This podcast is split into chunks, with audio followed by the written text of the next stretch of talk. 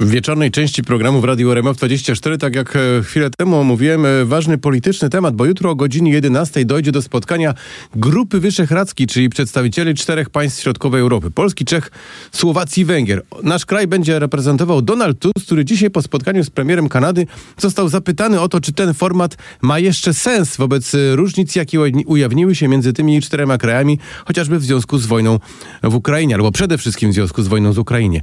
Jadę do Pragi właśnie po to, by sprawdzić, czy ten format może skutecznie wspierać sensowne działania Unii Europejskiej, tak powiedział Donald Tusk, a zatem warto spytać e, o komentarz na ten temat eksperta. Z nami jest pan Krzysztof Dębiec, główny specjalista w Zespole Środkowoeuropejskim w Ośrodku Studiów Wschodnich. Dobry wieczór panu. Dobry wieczór. Proszę pana, zanim dowiemy się, co powie Donald Tusk w Pradze i wróci z tej pięknej czeskiej stolicy, to ja zapytam pana tak wprost, czy w ogóle jeszcze ten polityczny projekt, taki jak Grupa Wyszehradzka, ma sens w takim wydaniu, jakim znamy go do tej pory? No, wydaje się, że Grupa Wyszehradzka przechodzi w tym momencie jeden ze swoich e, poważniejszych kryzysów. E, no, trzeba powiedzieć, że nie dalej jak 15 lutego e, Grupa Wyszehradzka weszła w swój wiek Chrystusowy, to znaczy założona niemal równo 33 lata temu. No i faktycznie te, te ponad trzy dekady obfitowały też w różnego rodzaju wzloty i upadki, no ale ostatecznie w koniec końców partnerzy dochodzili do wniosku, że wychodzą z tych kryzysów silniejsi. No w tym momencie jest tak, że je, z, z, zrobił się podział w tych najważniejszych kwestiach na zasadzie 2 do 2, to znaczy Polska i Czechy w tych kluczowych kwestiach dotyczących e, wspierania Ukrainy, wojny rosyjsko-ukraińskiej mm, stoją e, jednoznacznie po stronie Kijowa, natomiast obecne rządy w Bratysławie i w Budapeszcie w tych kwestiach lawirując, e, puszczając do Moskwy oko. Natomiast ja też chciałem zwrócić uwagę, że Grupa Wyszehradzka, no tutaj tak naprawdę mówimy o pewnym wierzchołku góry lodowej, to znaczy o tym najwyższym szczeblu politycznym, o spotkaniach premierów. Natomiast Grupa Wyszehradzka przez te 33 lata swojej, swojego istnienia wykształciła coś znacznie bardziej, y, znacznie większego i, i, i bardziej stabilnego, pewne powiązania pomiędzy y, ministerstwami danych państw na poziomie eksperckim, pomiędzy think tankami, pomiędzy y, różnymi innymi organizacjami trzeciego sektora. W końcu jest to praktycznie jedyna organizacja regionalna, no nie mówię tutaj o Unii Europejskiej, która jest organizacją sui generis, która wykształciła swoją instytucję, między, mianowicie Międzynarodowy Fundusz Wyszehradzki. Także jest to instytucja, która e, ma bardzo szerokie podstawy, natomiast faktycznie no nie da się zaprzeczyć, że na tym najwyższym poziomie politycznym już od dłuższego czasu, nie jest to tylko kwestia ostatnich tygodni, ale, ale co najmniej kilku lat, mocno zgrzyta i, i no symbolem tego jest chociażby są rzadsze spotkania premierów. No, jeszcze ćwierć wieku temu umawiano się na to, że takich spotkań będzie dwa w roku, natomiast no, ostatnie spotkanie miało miejsce w czerwcu e, roku 2023 i było to jedyne spotkanie e, w ubiegłym roku. E, od jakiegoś czasu też zaprzestano konsultacji przed posiedzeniami Rady Europejskiej, więc tego no, de facto najważniejszego ciała, które, które steruje instytucjami unijnymi. Proszę pana, czy w sytuacji, jakiej obecnie jest Donald Tusk, który już raz, e, można powiedzieć tak, oczywiście nieformalnie trochę przywołał e, Wiktora Orbana do porządku, kiedy była decyzja dotycząca głosowania e, związanego z pakietem pomocowym Unii Europejskiej dla Ukrainy.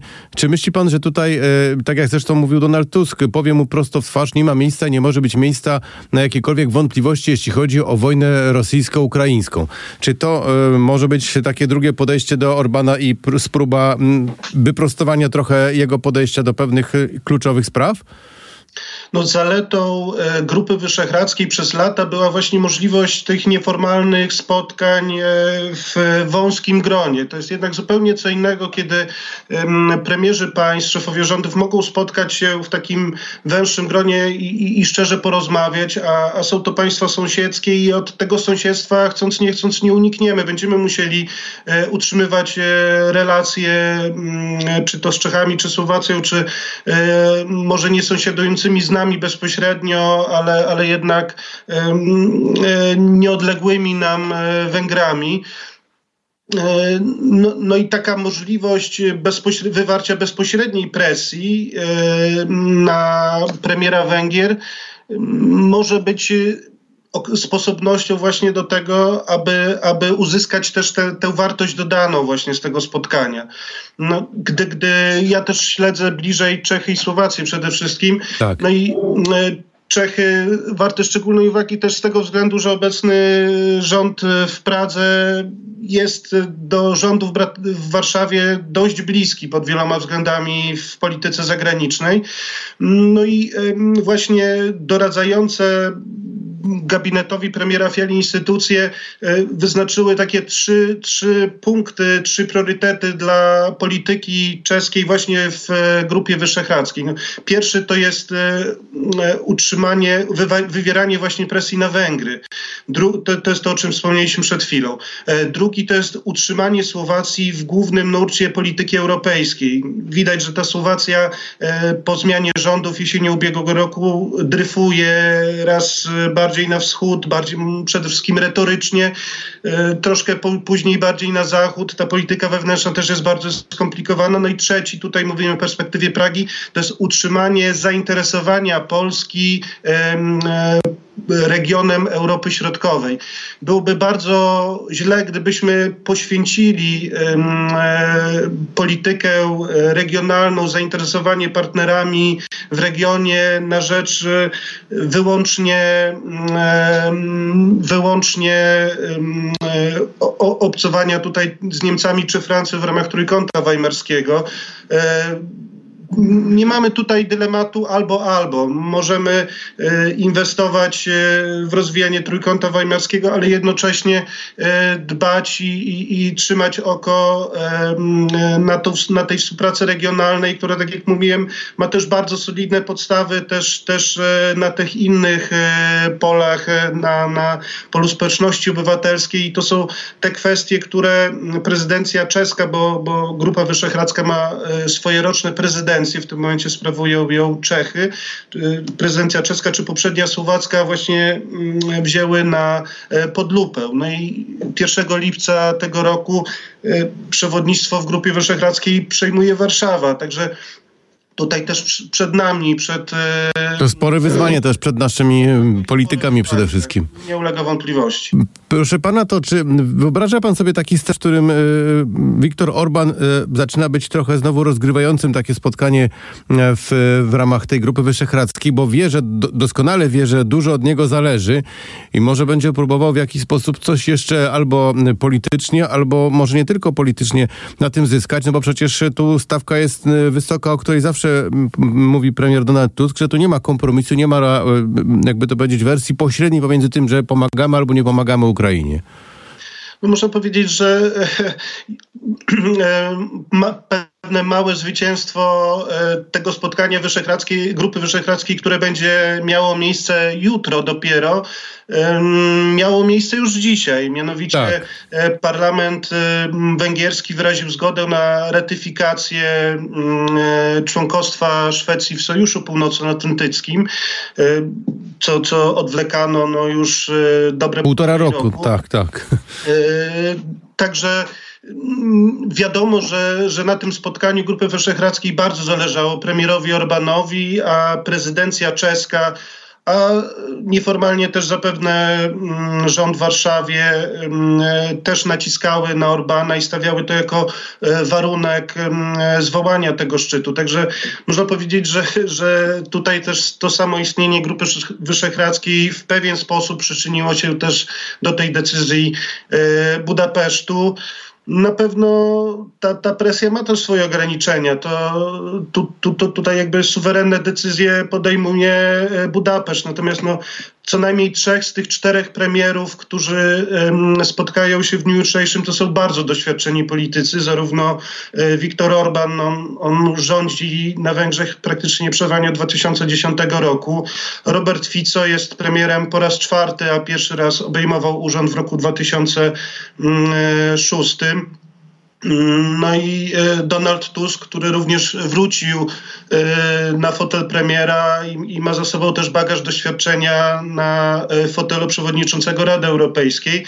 No, no nie chciałbym tutaj dyskwalifikować premiera Fiari, który jest profesorem też politologii. Tak, także, także mamy naprawdę trzech, czterech, czterech wytrawnych politycznych graczy, którzy z pewnością odbędą szereg interesujących rozmów. Ja sam jestem bardzo ciekaw konferencji prasowej, e, która, która e, jutro będzie transmitowana po e, spotkaniu szefów rządów państw Grupy Wyszehradzkiej. To jeszcze jedna kwestia na koniec. Czy myśli pan, że po takim spotkaniu, kiedy faktycznie spotykają się ludzie o dużym bagażu doświadczeń, znający się doskonale, bo przecież też mówimy o ludziach, którzy tak powiem wprost prywatnie też wiedzą, kto co może albo w jaki sposób reaguje.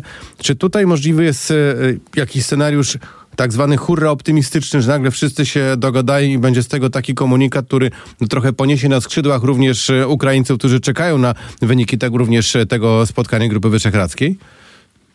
No taki, nie, nie, chciałbym tutaj już e, psu, psuć tego pozytywnego komunikatu, który nadałem wcześniej, ale wydaje mi się, że takie, taki komunikat jest bardzo mało prawdopodobny.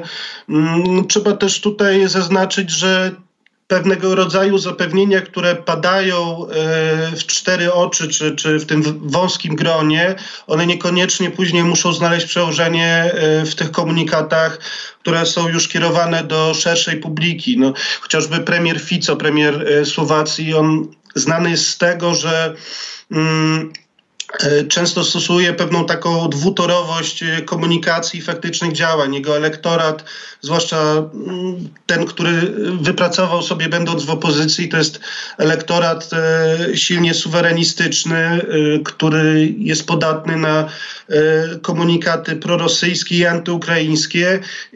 Tak też trzeba interpretować te wypowiedzi premiera Ficy z ostatnich dni, ale zarazem premier Fico nie miał problemu z tym, żeby zaakceptować w imieniu Słowacji rozpoczęcie rozmów w sprawie członkostwa Ukrainy w Unii Europejskiej. E, nie miał problemu, żeby zaakceptować pomoc też wojskową Unii Europejskiej e, na rzecz e, walczącego z agresorem Kijowa. No i premier Węgier z drugiej strony, który no już od dłuższego czasu prowadzi pewną, pewną retorykę względem swojego krajowego odbiorcy, mm, również dla niego byłoby pewnie niezręczne i, i trudne do uzasadnienia wykonanie e, tak, tak dużego zwrotu. Natomiast e, pewne korzyści konkretne e, mogą być odczuwalne, choć, choć może nie odczytamy tego już w tych pierwszych wypowiedziach po spotkaniu premierów Grupy Wyszehradzkiej. Bardzo dziękuję panu za ten ciekawy komentarz, ważne myśli przekazane w rozmowie z panem głównym specjalistą w zespole środkowoeuropejskim Ośrodku Studiów Wschodnich, pan Krzysztof Dębiec. Bardzo panu dziękuję. Dobrego wieczoru życzę. Dziękuję wzajemnie.